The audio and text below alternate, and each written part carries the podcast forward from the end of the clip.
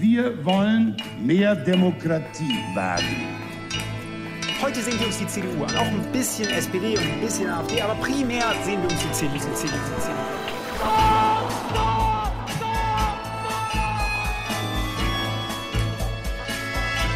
Niemand hat die Absicht, eine Mauer zu errichten. Ich weiß, ich habe heute Morgen in den Spiegel geguckt und dachte, wer ist denn die Hotte Bitch?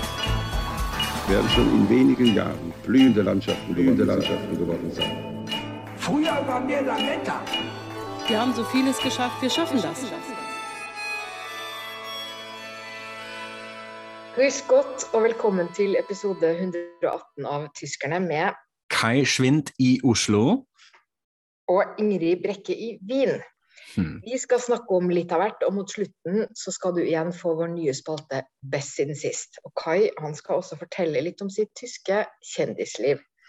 Men først blir det alvor, for det har kommet 250 000 flyktninger fra Ukraina til Tyskland. Det skal vi snakke om. Men Ingrid, du sa Wien. Og nå må du si litt. Hva gjør du da? Hvordan har du det? Jeg er allerede misunnelig. Ja, det har du all grunn til å være. Jeg Mm. koser meg. Jeg, har nå, eh, jeg skal være her i fem uker, og hittil har jeg egentlig bare hatt ferie. Så jeg har eh, hengt rundt, og for hver dag blir det varmere. Og i går var det 15 grader og sol, og jeg satt ute i park og leste bok. Mhm. Jeg har selvfølgelig spist masse god mat og, og eh, sett meg litt rundt, så det er vidunderlig. Veldig bra. Og jeg syns du har helt fortjent dette. Eh, Du har nemlig levert boka, ikke sant? Hvordan gikk det å levere inn manuset? Ah, Ja, eh, jeg har levert min bok om tysk politikk. Manuset har forlaget fått, men det ble ganske vanskelig på slutten, fordi det siste kap- kapitlet det skal da handle om tysk utenrikspolitikk, og det skrev jeg da det ble krig i Europa. ja. Eh, så eh, det var, ble nesten umulig på en måte hvordan, hvordan jeg skulle eh, løse det. Så nå blir det sånn Jeg skrev en, en eh, jeg, prøv, jeg tror jeg fant en løsning, Mhm. men så kan jeg komme tilbake og endre litt eh, i det om noen uker, da. For boka kommer ikke før i august, så jeg har fått lov til å ha, ha det litt åpent der. Så, Mm. eh, så eh, om, om ikke noe er mer avklart, så har i hvert fall jeg fått fordøyd ting litt mer og tenkt meg litt om. Ja, ikke sant. Det er jo fint at du har den muligheten. Og ja, det er absolutt noe vi må følge med. Sånn apropos, eh, altså nå om denne flyktningsituasjonen som vi skal prate om i dag, som selvfølgelig er en konsekvens av denne krigen i Ukraina. Hva vil du si? eh, ligner det på 2015? Altså, det ligner jo i dimensjonene, eller det vil si dimensjonene nå eh, er vel mye større. Eh, og hittil har det kommet 250 000 eh, til Tyskland. Og eh, jeg hørte på en podkast fra Der Spiegel eh, som var veldig opplysende. Og der sier de at hittil har mottaket gått ganske bra. Altså De aller fleste kommer jo med, med tog eh, til Berlin. Dette er jo også en sånn veldig annerledes situasjon, ikke sant? Fordi hvis man tenker på, på 2015-2016. Fordi de fleste kommer med tog, og det er også veldig mange, eh, både private og organisasjoner, som kjører og henter folk. Mm. Så det er jo ikke denne grusomme situasjonen i 2015 der folk flykter fra en krig, og så må de gå altså i, i dag etter dag, uke etter uke, og ingen liksom kommer og hjelper dem og henter dem. og sånn. Så det er virkelig heldigvis annerledes eh, denne gangen. Eh, men så har det også gått veldig fort, da. Selvfølgelig, dette er en veldig, veldig akutt situasjon. Og eh, det nyeste tallet jeg så, eh, det var fra onsdag. Da kom det over 4000 til Berlin bare den ene dagen. De fleste kommer jo da til Hauptbahnhof, og der er det litt sånn som det var eh, i, i 2015, at særlig fra starten så var det frivillige og private som gjorde det meste arbeidet. Nå har det blitt litt mer eh, organisert, og så har de jo tatt i bruk Tegel, da, den nedlagte flyplassen, Mm. som sånn kjempe Um, flyktningemottak. Og innkalt en del, eh, altså Berlin, eh, by har da også innkalt en del pensjonerte både sånn logistikkeksperter og leger og sånn, som, som nå trår til eh, der, da. Men det ble også sagt at i motsetning til, til forrige gang, så er det jo masse små steder og byer og sånn som vet hva som kommer. Så de har allerede etablert apparatene sine, lagd sånne hotlines og har et mottakssystem eh, klart. Fordi nå skal jo Alle kan jo ikke være i Berlin, så nå skal man jo prøve å spre eh, utover, da.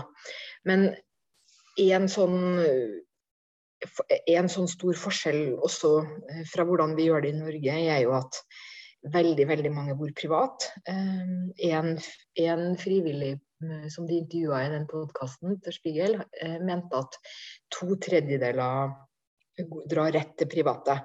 Og da er det jo noen selvfølgelig som har venner og slektninger og sånn i Tyskland fra før.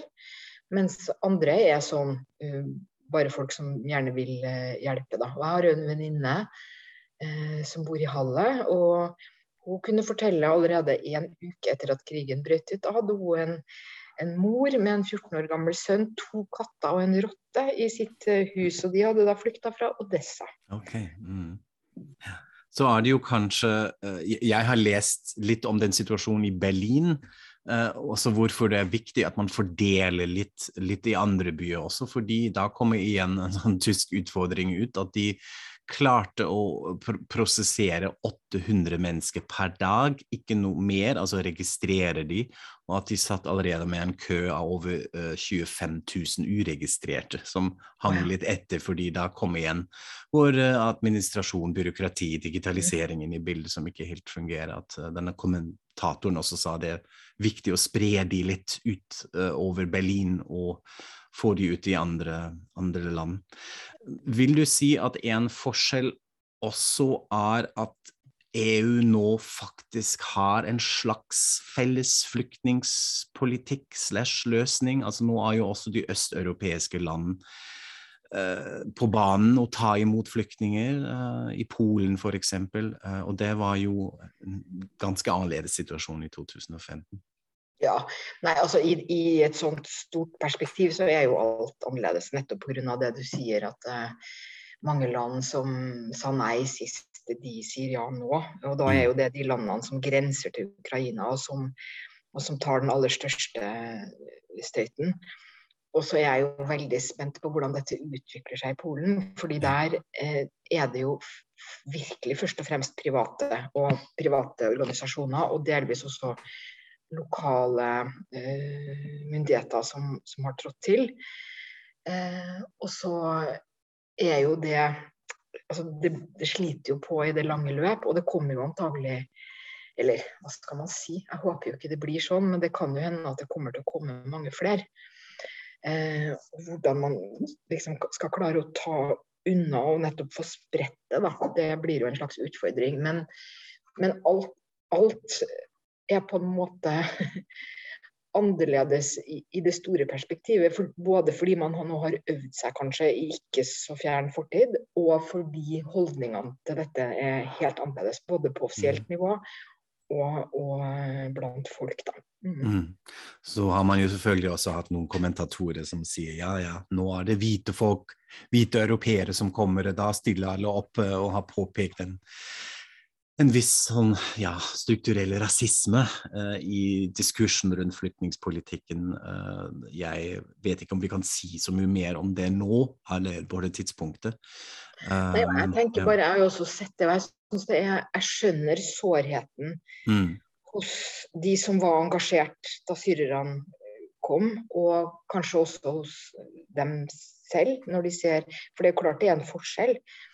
Uh, men i stedet for å, å liksom sørge over det og, og klage over det ja. nå, så burde man kanskje heller i fremtida vise til Se, vi klarte å ta imot ukrainerne, da ja. må vi klare å ta imot andre òg. At det er det som er veien å gå. Hvis ikke så blir dette veldig rart, tenker jeg.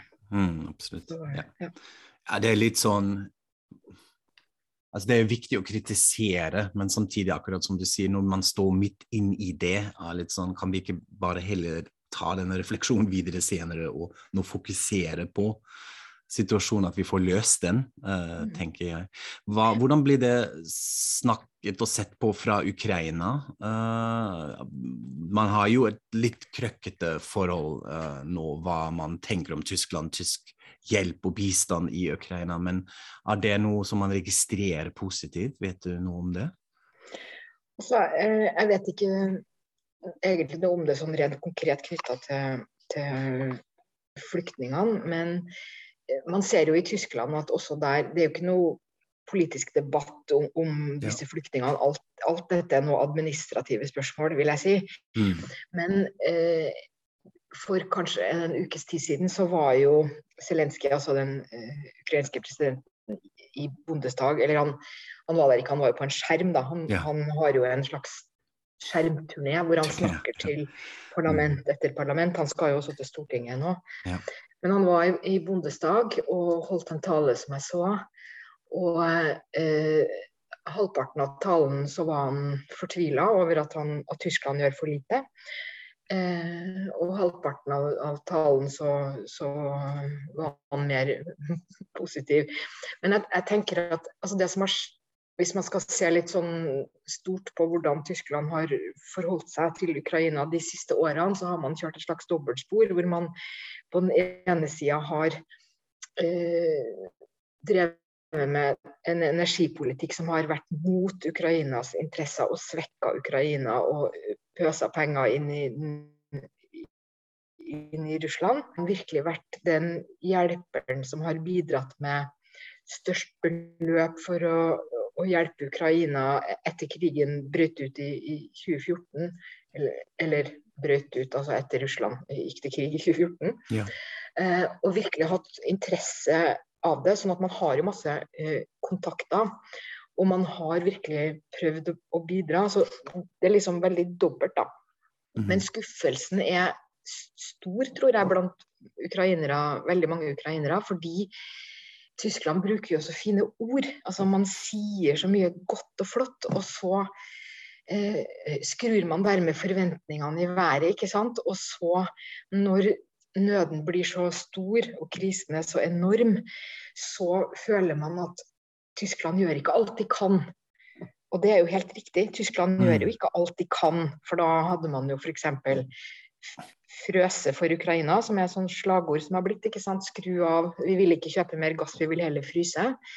Mens regjeringas politikk er jo at nå må vi eh, det er for farlig å risikere sosiale uroligheter i Tyskland nå. Og eh, vi får nå bare se litt hvordan dette utvikler seg, men jeg tenker at det har vart i fire uker. Kanskje skal det vare mye lenger, kan vi frykte. Og én viktig ting å vite om Tyskland i denne sammenhengen, det er jo at de eh, er pålitelige og solide. Og hvis de har sagt at de skal gjøre noe og, støtt, og være støttespillere, så kommer de til å holde på lenge. Mens andre land kanskje er veldig på nå, og så faller de fra. Og, ja. Så jeg håper det kan være en slags eh, liten trøst for ukrainerne. da. Ja, det er selvfølgelig nesten alt eh, som er dominert av krigen i eh, Ukraina akkurat nå i, i tysk politikk. Eh, så veldig mye utenriks, veldig lite innenriks. Men det skjer jo ting der òg. Blant annet en liten delstatsvalg, ikke sant? I, bitte, I, en liten, bitte liten delstat. kan du si litt om det? Ja, nei, jeg har jo, som, som våre faste lyttere vet, så har jo jeg stor entusiasme for tyske delstatsvalg og pleier å være veldig engasjert. Og her må jeg bare innrømme at jeg har falt litt fra. Og det skyldes jo selvfølgelig nettopp krigen, og så skyldes det jo også at det er denne lille eh, delstaten, og det er også en delstat jeg har aldri vært der. Det er en av de to delstatene. Jeg har heller ikke vært i Bremen. Jeg har vært i alle de andre. Mm, okay. Sånn at jeg merka plutselig at oi, nå var jeg ikke helt på. Men jeg har selvfølgelig oppdatert meg litt, fordi det er spennende på ett nivå. Eh, altså for Det første, det er det første delstatsvalget etter den nye regjeringa. Og det blir jo alltid tatt som en slags tegn. ikke sant? Hvor, ja. hvor, går, hvor blåser den politiske eh, vinden? Eh, det første, dette er den første av fire i år. Eh, Men det er samtidig et veldig lokalt prega valg. altså Det er lokale saker som står eh, på dagsorden. Og så er situasjonen den at man regjeres av en storkoalisjon med Tobias Hans som statsminister. Og han overtok jo fra Anne Greth Kramp-Karrenbauer da hun dro eh, til Berlin og ble eh, generalsekretær i 2018. Eh, nei, unnskyld, partileder i, i 2018. Sånn at han har aldri før vært i et valg, og han er også den yngste eh, statsministeren som Saland har hatt. Sånn at han eh, regnes som relativt uerfaren, og det ser ikke ut som han, han kommer til å gjøre det noe spesielt bra. Eh, han har jo bl.a. hatt en pinlig video, den har jo Ja. du sett, eh, Kai? Ja, ja, der sto han for en bensinstasjon, tok en sånn selfie-video og klaget over de høye bensinprisene og mente nå må vi endelig få en sånn bensinprisbremse på plass, eh, eh, som mange reagerte på fordi de mente han hermet disse Zelenskyj-videoene og uh, iscenesatt seg selv litt som den folkelige lederen som nå snakker populistisk om det folket vil. Veldig umusikalsk og fikk masse kjeft uh, opp og ned. Jeg har sett det videoet og syns også det var veldig pinlig. Litt sånn des desp, vil jeg si. Så lykke til, Tobias Hans. Vi får se. Mm, Men hun som da kommer til å vinne, antagelig da, ja. eh, kommer til å danne den neste regjeringa. Hun heter Anke Rehlinger og er sosialdemokrat. Og hun, fordi det er storkoalisjon, så er jo hun allerede minister. Hun sitter, har sittet i regjeringa lenge. Er minister for næring, arbeid, energi og samferdsel. I, I de små delstatene har de jo veldig mange oppgaver. Ja. Um, og hun er veldig dreven, um, ganske populær, kjent som en sånn hands on-dame som, som gjerne går inn i hver enkelt kommune og mener ting og er liksom på, da. Og det som kanskje også, om, om hun ikke hadde ligget bra an fra før, så har jo også Hans hatt utrolig uflaks. og Han har jo nå fått korona, så han er ikke med på noe av um, valginnspurten. Sånn at det som, så vidt jeg har forstått, så er eh, oddsene er veldig for at uh, det blir eh, sosialdemokratene som vinner. Og så er det store spørsmålet blir det da storkoalisjon, eller blir det da Ampel som regjeringa, altså en trafikklyskoalisjon. Så det Så det får vi bare se. um, Ja, det blir litt spennende å, å følge med når du forteller om det sånn. Så syns jeg også er det fortsatt litt interessant og underholdende å se CDU i opposisjon. CDU som underdog, eh, som er noe som er lenge siden. Eh, Det er vi ikke så vant til. Og, og se hvordan de da forholder seg, også i en sånn valgkampkontekst. Så da, da skal vi følge med. Du skal rapportere hvordan det gikk. Men nå skal vi snakke litt om eh, deg, Kai. For du eh, har jo fått ny vind i kjendisseilene. Vet ikke om det går an å si det sånn, men, eh, men du er med på en podkast eh, i Tyskland som gjør det kjempebra. Du må fortelle. Det skal jeg gjøre, ja. Det var litt, eh, litt uventet hvordan den, den har tatt av. Jeg har jo også her i podkasten snakket eh, om at jeg uh, jobber med hørespillsjangeren i Tyskland. Det vil si jeg har vært manusforfatter, regissør og gjort alle mulige hørespillproduksjoner, som er jo en, en, en helt annen eh, dimensjon i Tyskland. Eh, også det tenker jeg må vi komme tilbake til en annen gang. Fortelle litt om denne hørespilltradisjonen som vi har i Tyskland, og hvor utrolig populær hørespill, ikke bare til barn, men også til voksne, uh, er. Og det skyldes jo annet eh, en sånn, egentlig flere, men hovedsakelig en uh, hørespillserie som begynte på slutten av 70-tallet, eh, som fortsatt lages i dag, nemlig De drei Fragezeichen. Uh, The Three Investigators het, het det på, uh, på uh, amerikansk, fordi det var en bokserie som dette er basert på, som, som er amerikansk opprinnelig, som da kom til Tyskland. Og så lagde jeg et, et hørespill-label som lagde masse hørespill på 70- og 80-tallet, som heter Europa. Denne serien, De drei Fragezeichen, som er litt sånn uh, ja, litt Hardy Boys, Pelle og Proffen er kanskje sånne Mhm. referanser som dere kjenner til her uh, i Norge. Og den har pågått uh, gjennom 80-tallet, 90-tallet med de samme skuespillerne.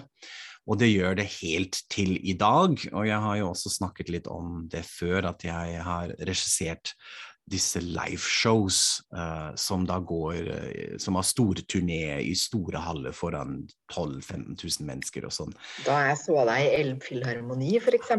Ikke sant? Da hadde vi jo, og det var jo et lite show sammenlignet med det vi vanligvis gjør. Så dette er et helt uh, utrolig fenomen. Veldig merkelig hva, hva dette er. Kanskje skyldes det hovedsakelig fordi det er samme skuespillere som fortsatt spiller de hovedrollene som begynte da på slutten av 70-tallet. Uh, Oliver Råbeck, uh, Andreas Frølich og Jens Wawrecek, uh, ganske kjente navn i Tyskland, og enda mer kjente stemmer. De jobber jo alle også i dubbingbransjen, spiller inn lydbøker, lager reklame og sånne voiceover, så de er veldig kjente.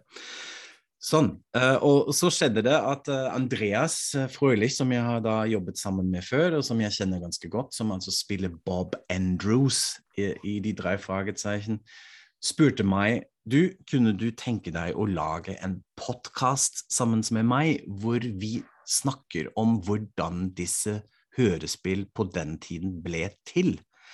altså, hva er det jeg kan huske?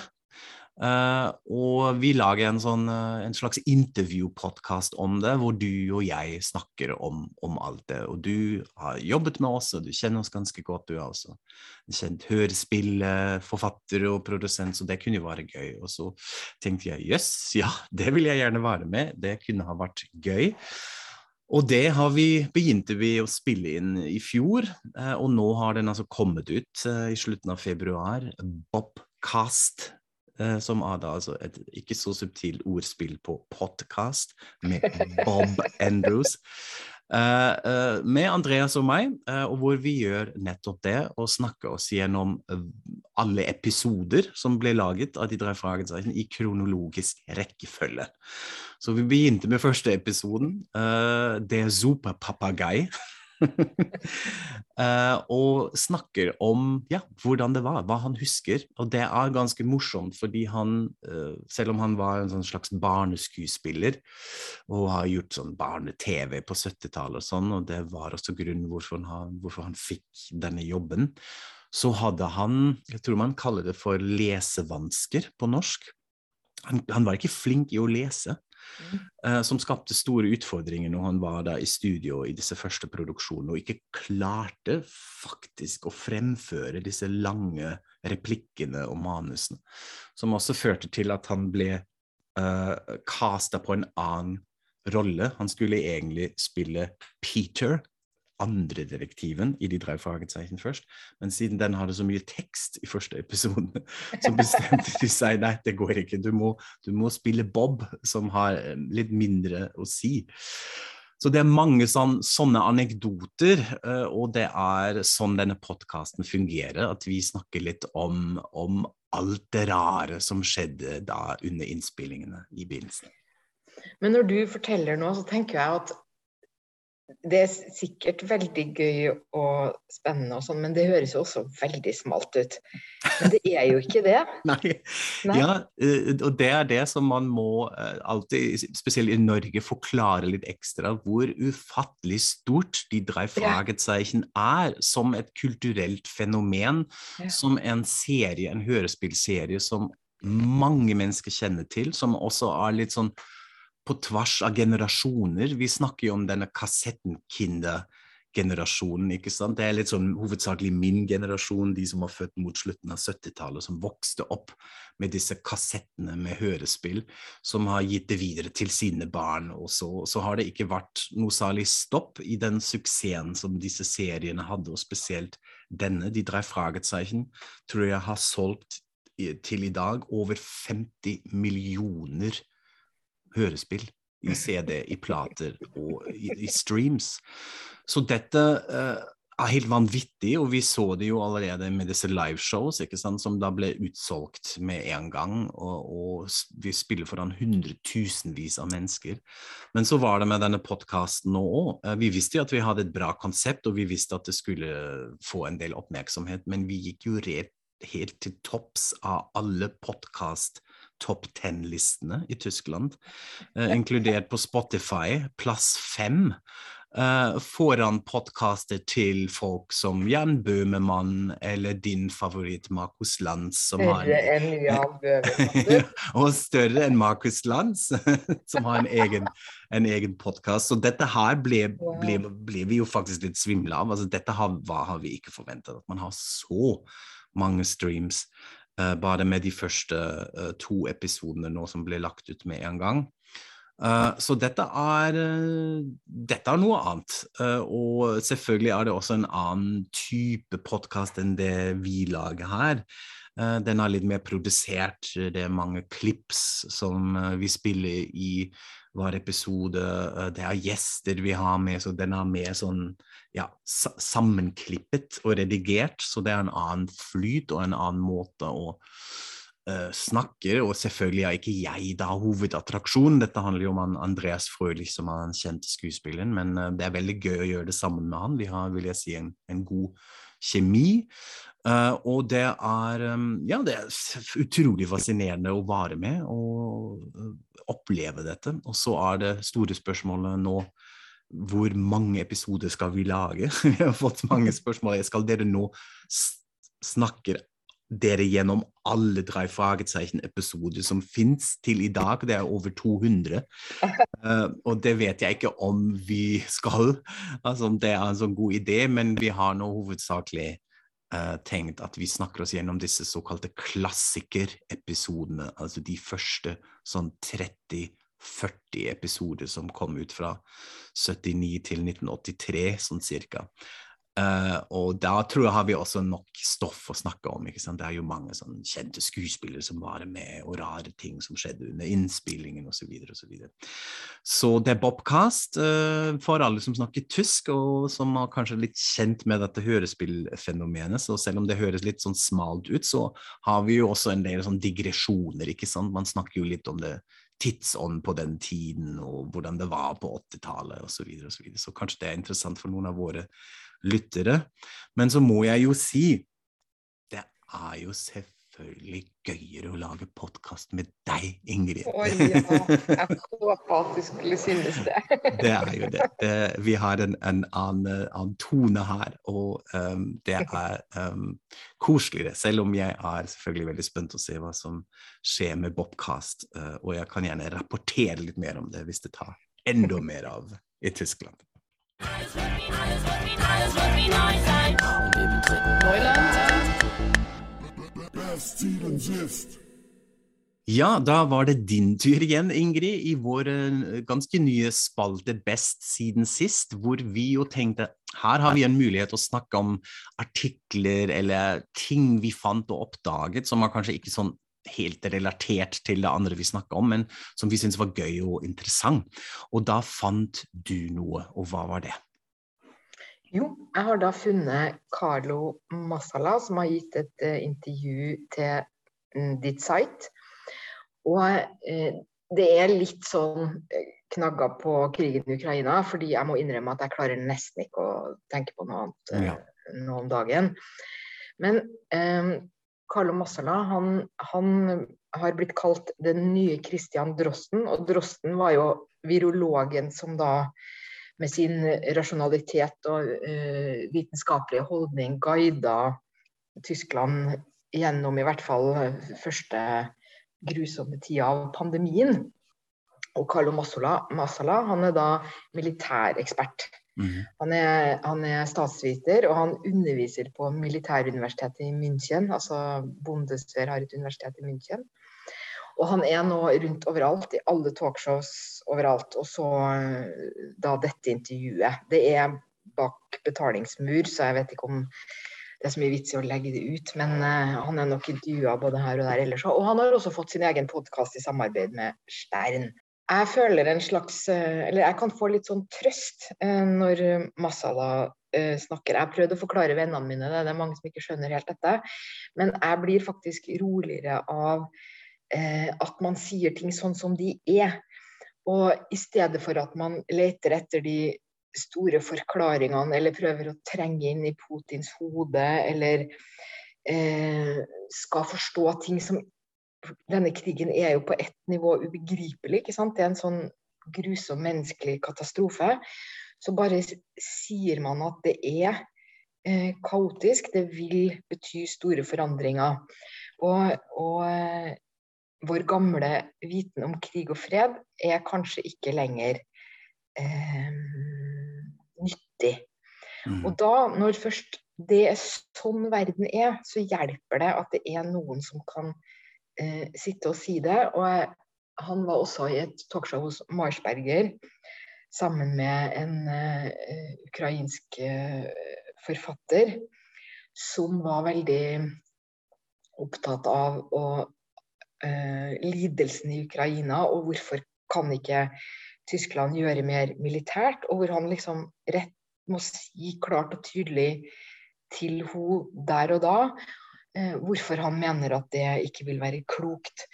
Og Det syns jeg også er så veldig sterkt, at, at du klarer å sitte i disse situasjonene og være nøktern. Og jeg tror det er veldig eh, viktig for oss alle at vi blir revet med av følelser, men vi må også ha et slags kaldt hode.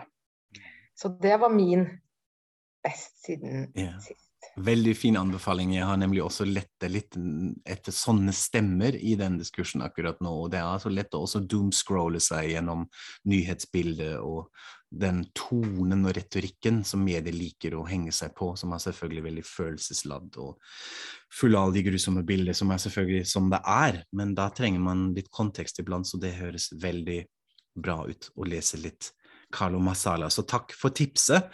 Skal vi runde av med dette her? Eh, og er straks tilbake. Du må kose deg i Wien. Og jeg tenker neste gang må vi høre litt mer av hva du driver med der. Da Skal jeg fortelle mer om Wien. Så bra. Da snakkes vi. Auf Wiederhören. Auf Wiederhören.